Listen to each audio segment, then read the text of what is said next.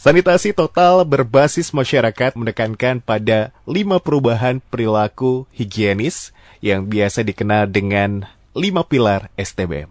Kalau pernah mendengar istilah STBM, ini merupakan pendekatan untuk merubah perilaku higien dan juga sanitasi melalui pemberdayaan masyarakat dengan metode pemicuan. Apa itu? Akan kami ajak Anda langsung untuk menyimak informasi yang akan dibahas bersama Ibu Siti Nurjana Septiani, SKM dari UPT Puskesmas Pasundan, Kota Bandung. Halo Ibu Siti. Halo. Sehat ya, Ibu. Ini sudah bertugas di Puskesmas, Bu. Uh, kebetulan saya sedang di kelurahan, Mas. Baik. Lagi ada kegiatan juga. begitu ya. Jadi iya. ada kegiatan lain begitu ya di kelurahan. Betul. Baik Ibu Siti, terima kasih telah meluangkan waktu di kesibukannya di hari ini bergabung bersama kami di Fit Radio Bandung dan akan membahas mengenai lima pilar STBM. Apa itu STBM, Bu Siti? Uh, betul yang Mas Regi tadi. Eh, saya bilangnya Mas aja nggak apa-apa ya? Boleh, silakan, silakan. ya, betul.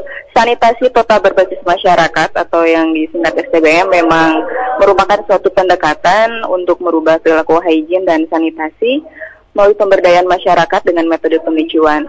Nah, apa sih pemicuan itu?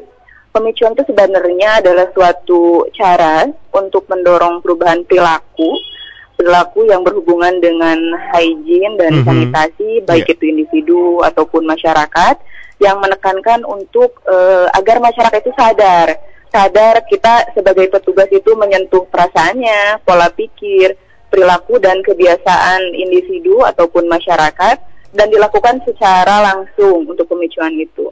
Jadi STBM itu lebih menekankan ke perubahan perilaku atas kesadaran sendiri masyarakat itu. Baik, terima kasih Bu Siti. Jadi itu penjelasan dari STBM. Tentunya program ini dibuat uh, tentunya dengan uh, manfaat sendiri begitu ya, Bu Betul. Siti ya. Nah, tujuannya sendiri visi misi dari STBM ini apa ya, Bu?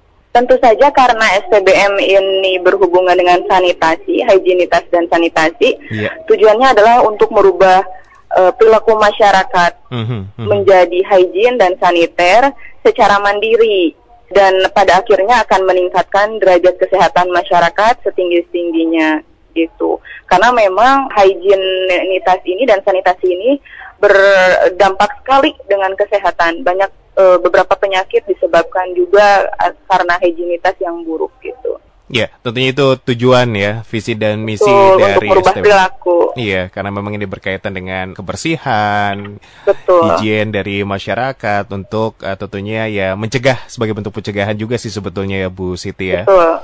Nah, tentunya kan kalau misalkan di STBM atau sanitasi total berbasis masyarakat ini kan selalu menjunjung yang namanya lima pilar STBM ya Bu ya. Betul. Baik, Bu Siti berkenan untuk menyampaikan informasi tersebut Bu secara spesifik silakan.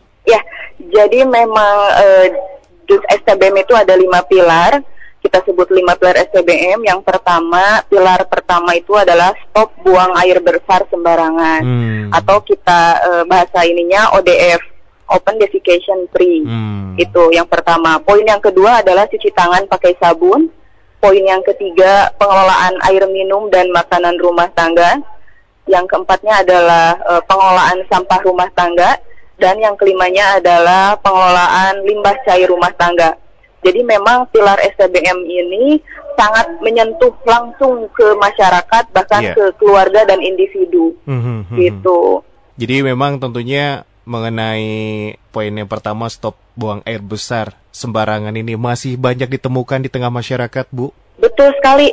Kota Bandung, kota Kembang ya, Paristan Java Betul, gitu. Yeah, yeah. Faktanya dari 151 kelurahan di Kota Bandung itu mm -hmm. baru tujuh kelurahan yang bebas buang air besar sembarangan atau yang ODF 100% gitu. Jadi sisanya itu berarti berapa ratus lagi tuh kelurahan itu masih membuang air besar sembarangan. Tapi konteksnya memang kalau di kota Bandung bukan seperti di kampung Punten gitu ya. Memang kalau yeah, bahasa yeah, STBM yeah. itu agak-agak jorok gitu mm -hmm. ya bahasnya tentang tinja, bahasnya ya, bahasnya tentang septic tank gitu. Itu jadi kerjaan saya mas yeah, ngurusin yeah, yeah. tinja orang gitu. Jadi memang kalau untuk poin yang atau pilar pertama STBM itu untuk stok buang air besar itu Kota Bandung memang menjadi PR besar. Alhamdulillah Bapak Wali Kota kita sangat apa fokus dengan uh, eh, STBM ini khususnya pilar pertama dan memang sudah ada komitmen untuk merealisasikan ODF 100% di tahun 2020 ini. Kebanyakan kan memang di kota Bandung sungai itu jadi jamban raksasa. Jadi bukan dia e, masyarakat itu membuang air besarnya misalnya ya punten di kebun mm -hmm, atau mm -hmm. di mhm. sawah gitu enggak enggak gitu. Kebanyakan rumahnya udah bagus-bagus. Udah punya jamban, klosetnya udah bagus, yeah. udah kloset duduk. Tapi pembuangan akhirnya itu, tinjanya itu bukan ke septic tank atau ke uh, saluran air kotor, tapi ke sungai. Nah, itu yang jadi PR besar kita itu. Jadi tentunya ada beberapa permasalahan begitu ya, Bu ya? Betul. Jadi yang masih ditemukan di Kota Bandung ya dua kondisi tersebut ya, ya Bu? masih iya. ada ya? Masih banyak. masih banyak. Baik, mudah-mudahan juga tentunya ini menjadi pengingat untuk kita semua. Nah, berikutnya selain stop buang air besar, sembarangan apa lagi Bu pilarnya? Ya, untuk pilar kedua adalah cuci tangan pakai sabun pada awalnya memang untuk cuci tangan pakai sabun ini sulit, sulit sekali sebetulnya ya untuk mengedukasi gitu. Karena mungkin udah kebiasaan datangannya nggak kelihatan kotor ah nggak usah cuci tangan gitu. Tapi ini nih eh, pandemi covid ini juga ada eh, nilai plusnya juga untuk masyarakat.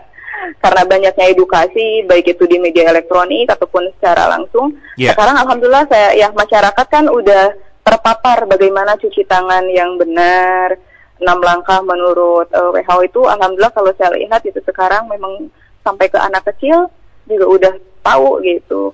Dengan adanya pandemi ini masyarakat sekarang sudah tahu betul apa sih manfaat dari cuci tangan pakai sabun ini. Nah, ini sebetulnya uh, sudah diingatkan dengan program uh, eh, PHBS begitu ya, Bu. Betul sekali. Ya. Tapi ini ditekankan dalam tengah di tengah pandemi ini supaya ya masyarakat tentunya hidup dengan adaptasi kebiasaan baru ya Bu. Padahal sih sebetulnya kalau untuk cuci tangan nih sudah digembar-gemborkan dengan pedoman di PHBS ya, tapi masyarakat iya, saat PHBS, itu, DSTBM, udah dari zaman dulu, cuman ya sekarang lebih pada takut gitu. Betul betul betul. Jadi lebih sekarang aware begitu ya kalau beberapa nah, waktu iya. lalu lebih cuek ya. Oh ya udah cuci tangan ya udah. Baik itu. Nah, ini untuk saat ini menurut pandangan Ibu sendiri bagaimana Bu cuci tangan pakai sabun di waktu penting terutama di tengah pandemi sudah terlihat uh, masyarakat sudah peduli akan kesehatannya sendiri dengan lingkungan begitu Bu? Ya, kalau saya lihat karena saya ada di fasilitas uh, pelayanan kesehatan, mm -hmm. memang kami menyediakan fasilitas cuci tangan gitu kan. Dan masyarakat kalau saya lihat mereka pada bawa sanitizer sendiri kalau pergi pergian itu. Mungkin kalau darurat kan nggak ada fasilitas cuci tangan, uh, mereka bisa pakai sanitizer. Terus juga kan sekarang memang pemerintah mewajibkan baik itu di instansi ataupun di rumah makan ya, di rumah makan, di pusat perbelanjaan itu ada fasilitas cuci tangan. Jadi memang masyarakat lebih mudah untuk mengakses sarana cuci tangan sekarang dibanding mungkin dulu mau cuci tangan tapi nggak ada sarananya gitu. Kalau sekarang kan di pinggir-pinggir jalan juga banyak tuh ya yang memang disediakan uh, untuk sarana cuci tangan. Oke baik. Dan berikutnya pilar yang ketiga bu. Nah, ini untuk yang pilar ketiga itu adalah pengelolaan air minum dan makanan rumah tangga. Jadi uh, kalau ini menekankan ke bagaimana di rumah tangga itu mengelola air yang diminum dan makanan yang dikonsumsi. Seperti misalnya kalau uh, air itu apakah direbus uh, dahulu gitu, sumber airnya dari mana? Karena kan memang berkaitan sekali sumber air yang diminum dengan apa nanti dia um, kondisi banyak yang balita ini datang ke fasilitas pelayanan kesehatan karena diare. Nah itu kan salah satu hubungannya. Setelah kita uh, telusuri ini dari mana sumbernya, apakah dari mungkin makanannya. Nah kebanyakan memang air minumnya dia misalnya dari punten-punten gitu ya, mm-hmm, dari mhm. depot isi ulang gitu. Yeah. Iya. Uh, sedangkan kan uh, depot isi ulang itu sebetulnya harus ada pemeriksaan kimia dan fisika mikrobiologi untuk kandungan uh, apa airnya itu. Nah mereka kebanyakan nggak direbus dahulu langsung dikonsumsi gitu. Pada akhirnya kan memang uh, kalau balita mungkin daya tahan tubuhnya kurang kuat, akhirnya diare ataupun mungkin pengelolaan makanan bagaimana si orang tua itu menyajikan makanan dari mulai cara mencuci bahan makanannya, sayurannya, apakah dipotong-potong dulu, apa dicuci dulu. Nah, yeah. menurut Mas gimana nih? Cuci dulu apa dipotong-potong dulu kalau masak? Dipotong ya, dulu memang. juga boleh, dicuci langsung cuci. Iya, kalau ianya memang dicuci dulu baru dipotong. Tapi kalau memang mau lebih bersih dulu, mau kalau mau bersih habis dipotong dicuci lagi mah enggak. Yang jelas dicuci gitu ya. Tapi yang sebaiknya seperti apa, Bu? Kalau baiknya untuk uh, sayuran itu dicuci dulu, mm -hmm. baru dipotong Baik. gitu. Dengan si uh, talenan, mm -hmm. talenan tahu kan talenan? Iya, yeah, iya. Yeah. Talenannya juga diusahakan jangan yang dari kayu. Oh, kenapa, Karena kan kalau kalau kayu kan nanti tuh si bisa ada nempel-nempel oh, gitu iya, tuh di iya, kayunya si kayu-kayunya bisa ke um, ke bawah. Mm, mm, mm. Jadi harus uh, bahannya lain begitu ya, Bu ya? Iya, ada bahan khusus kan ya talenan yang Betul. apa bukan plastik tapi tebal gitu loh, Mas. Iya, iya. Nah itu dia mungkin itu tips dari ibu tuh ya pendengar ya. Nah ini pengelolaan air minum. Tapi kalau untuk di Bandung sendiri saat ini bagaimana bu untuk pengelolaan air minum sendiri? Ini banyak masyarakat yang sudah uh, mengikuti dengan yang dianjurkan atau yang direkomendasikan bu? Atau masih ya. banyak yang akhirnya kurang dari itu, jauh dari standar? Kalau uh, kota Bandung sendiri datanya terlalu luas mungkin ya saya hmm. uh, datanya sampelnya di kelurahan yang saya pegang Maga, saja. Maga, iya. Ya kebetulan puskesmas Pasundan itu dua wilayah kerja, Kelurahan Pungkur dan Balung Gede. Mm-hmm. Untuk mas untuk masyarakatnya sekitar lebih dari 80 persen, 85 persen memang menggunakan PDAM untuk air minumnya, gitu. Eh, untuk sumber airnya, sorry, sumber airnya. Nah, ada yang memang langsung menggunakan PDAM itu dengan cara direbus terlebih dahulu atau e, menggunakan e, air kemasan, galon bukan isi ulang ya air kemasan. Nah, ada juga memang yang pakai uh, air galon isi ulang, tapi yeah. alhamdulillah sudah pada direbus dulu. Hmm. Jadi nggak langsung diminum. Kalau untuk isi ulang itu untuk masak saja gitu kan, kalau masak betul, dimasak betul. lagi gitu. Kalau di wilayah saya sih alhamdulillah memang ada beberapa yang memang masih langsung dari uh, depot itu mm -hmm. dikonsumsi ada yang kayak gitu. iya harusnya teredukasi dengan baik saya salah Betul. satunya seperti itu bu ya di depot air tapi nanti di ini lagi diolah lagi ya tidak langsung terkonsumsi iya. memang sebaiknya seperti itu ya bu ya yang disarankan ya iya karena memang untuk depot air minum itu kan memang seharusnya ada kelayakannya betul, salah satunya betul. adalah dengan pemeriksaan kimia, fisika dan mikrobiologinya mm -hmm. untuk air minumnya seperti apa gitu. Apakah memang sudah sesuai dengan baku mutu atau belum? Kalau memang kita pada saat kalau memang pembelinya teliti nih pada saat ke depot ya harusnya dilihat ini udah sesuai belum gitu. Kan itu lebih regreg ya kalau bahasa Sundanya mas lebih mengkonsumsinya juga oh berarti memang sudah layak. Mm -hmm. Kalau mm -hmm. memang kita belum tahu ya lebih baik direbus dulu. Oke, baik. Itu dia pilar yang ketiga. Berikutnya, pilar yang keempat. Apa, Bu? Nah, pilar yang keempat itu adalah untuk pengelolaan sampah rumah tangga. Sampah. Nah, kebetulan memang Kota Bandung kan udah ada program Kang Pisman ya. Betul. Nah, itu Kang Pisman juga agak-agak meredup nih sekarang hmm, gitu. Hmm, hmm. Hmm, jadi memang uh, alhamdulillah Kota Bandung sangat uh, mendukung sekali dengan upaya-upaya kesehatan salah satunya juga Kang Pisman untuk memisahkan sampah uh, organik atau sampah apa yang dedaunan, sampah sisa makanan, sampah yang didaur ulang. Jadi memang idealnya di rumah tangga itu dipisahkan sampahnya antara sampah organik, sampah non organik dan sampah B3 kayak misalnya bekas baterai atau bekas apa ya barang-barang elektronik itu seharusnya memang tidak disatukan dengan sampah-sampah lainnya meskipun memang kadang saya sendirilah jangan jauh-jauh gitu kadang suka nyampur-nyampurin tuh gitu sampahnya nah itu memang harus jadi saling mengingatkan gitu bersama-sama kalau untuk pemisahan sampah itu memang harus dipisahkan antara organik dan non-organiknya atau B3 baik Nah, ketika memang sudah sampah dengan rapih begitu ya, di hmm. dipisahkan dengan sesuai dengan uh, bentuknya begitu ya, Bu. Hmm. Dan uh, nanti biarkan saja petugas sampah yang nanti akan uh, mengurusi itu ya Bu ya. Kalau warga masyarakat sudah disimpan dengan baik, ya sudah seperti itu ya Bu ya. Tidak buang sembarangan ataupun ke tempat lain yang tidak semestinya untuk disimpan sampahnya begitu Bu? Ya, minimal kan di rumah tangga itu sudah uh, mengerti bagaimana prinsip yang reduce, yeah. uh -huh. reuse dan recycle. Jadi sebisa mungkin memang sampah yang dibuang itu memang yang benar-benar sampah gitu, yang memang sudah tidak bisa dimanfaatkan lagi. Jadi memang e, produksi sampahnya bisa ditekan, bisa dikurangi. Karena kan seperti yang kita tahu untuk tempat pembuangan akhir kita itu sudah mulai bingung lagi nih pemerintah nyari gitu ya, udah pada penuh juga. Ya itu dia tentunya mengenai sampah ya. Betul, sampah tuh oh, apalagi di sungai itu. di sungai masih banyak ya Bu ya, duh. Suka, banyak. Suka gemes. Mm-mm. Kalau ada warga masyarakat yang buang sampah sembarangan atau tidak pada tempatnya, mudah-mudahan nah ini setelah tadi mendengarkan, menyimak yang disampaikan oleh ibu ya, jadi sudah paham sampah itu ke tempatnya, begitu ya dan dibagi ya Bu ya, yang tadi juga ya iya. sampah yang organik dan non organik. Yang kelima pilar dari STBM, Bu. Nah, yang kelima itu adalah pengelolaan limbah cair rumah tangga. Jadi memang e, untuk limbah cair dari rumah tangga itu seharusnya memang jangan langsung dibuang.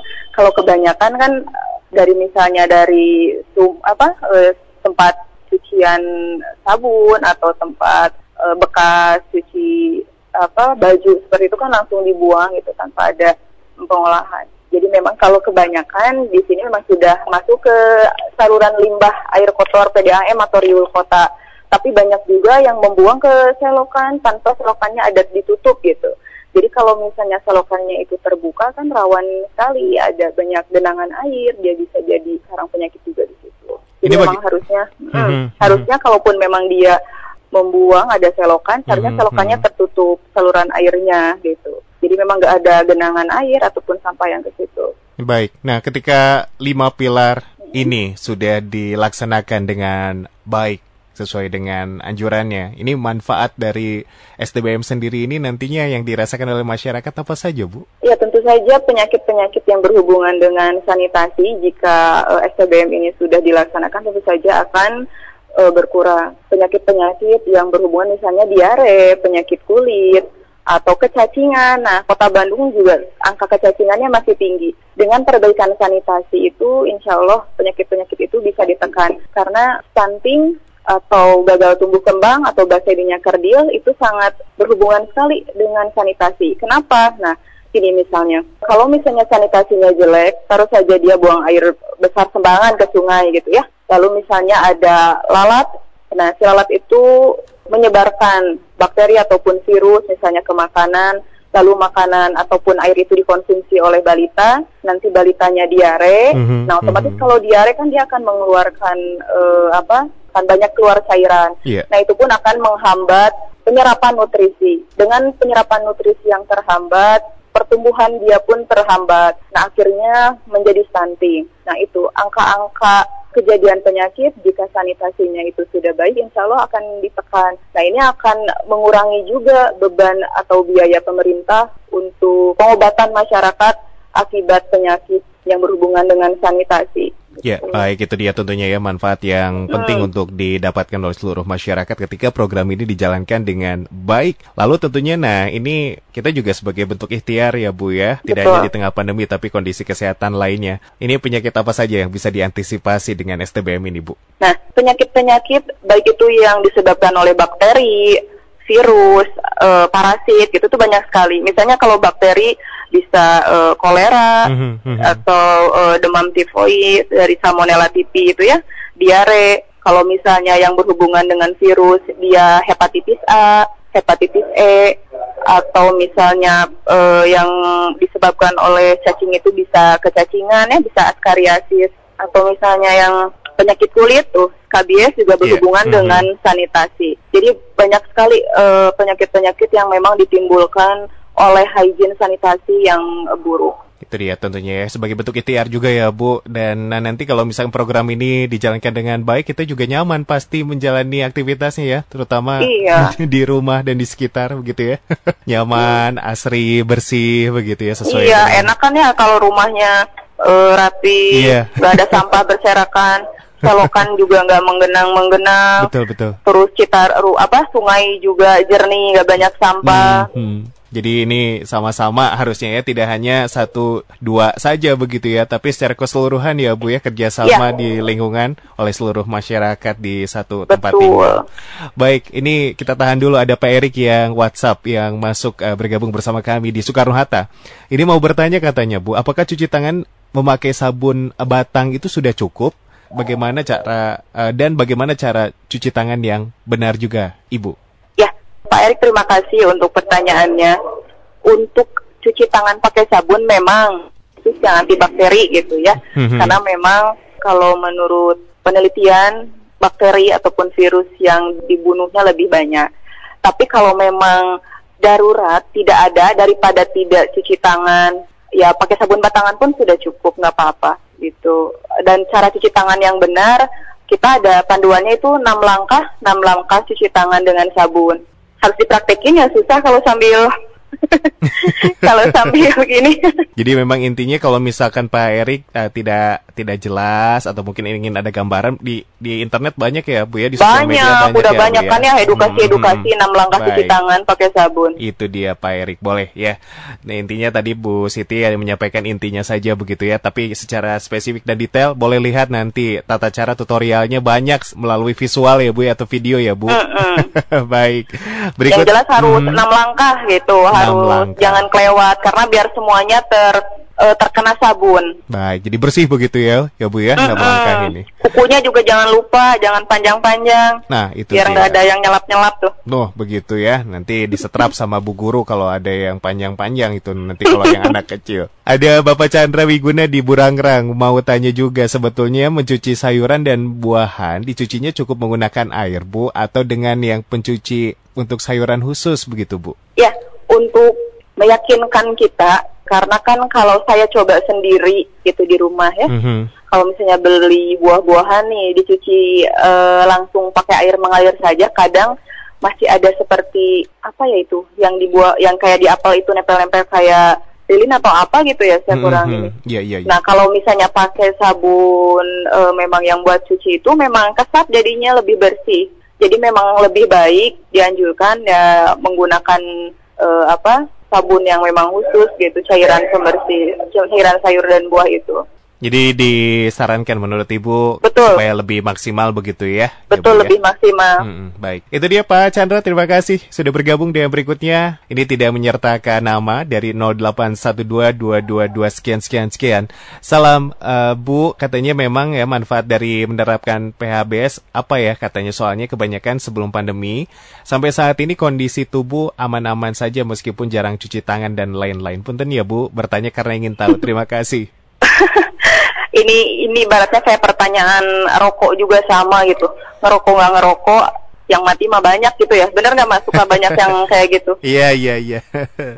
Ya jadi itu memang manfaatnya manfaatnya memang eh, nggak e, dirasakan sekarang juga. Memang ada yang seperti itu. Jadi tergantung memang daya tahan tubuhnya gitu. Tapi lebih baik kan kita seperti memang e, cuci tangan. Ada kalanya daya tahan tubuh kita e, sedang lemah mungkin ada kalanya juga sedang baik daya tahan tubuhnya. Jika kita memang dalam sehari-hari menerapkan uh, perilaku hidup bersih dan sehat itu, insya Allah gitu.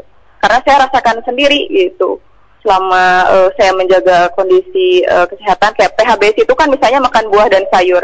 Selama jarang makan buah dan sayur, selama makan nggak teratur itu kadang suka banyak aja gitu kan penyakit sakit ini, sakit itu gitu. Tapi setelah kita mengamalkan perilaku hidup bersih dan sehat, baik itu makan buah dan sayur, aktivitas fisik, 30 menit minimal setiap hari, lalu cuci tangan pakai sabun, itu rasanya akan lebih sehat aja, lebih bugar.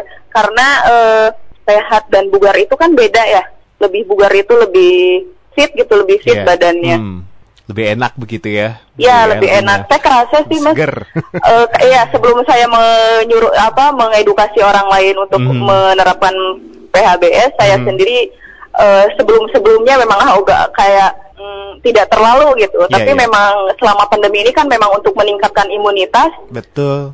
Mm -mm, saya benar-benar menerapkan si PHBS itu. Alhamdulillah banyak sekali manfaat yang dirasakan dari mulai memang kayak flu itu udah saya setahun tuh mungkin sekali aja gitu karena flu nggak nggak ini betul betul uh, ya ataupun batuk kan mm -mm. batuk seperti itu atau penyakit penyakit lain itu kalau memang kita menerapkan perilaku hidup bersih dan sehat Insya Allah. Baik, itu dia. Ibu Siti, terima kasih ya. Ini telah menanggapi interaksi dari pendengar yang sudah bergabung uh, ataupun uh, memberikan pertanyaan melalui WhatsApp kami. Dan terakhir Ibu Siti sebagai penutup closing statement yang ingin disampaikan, Mangga Bu.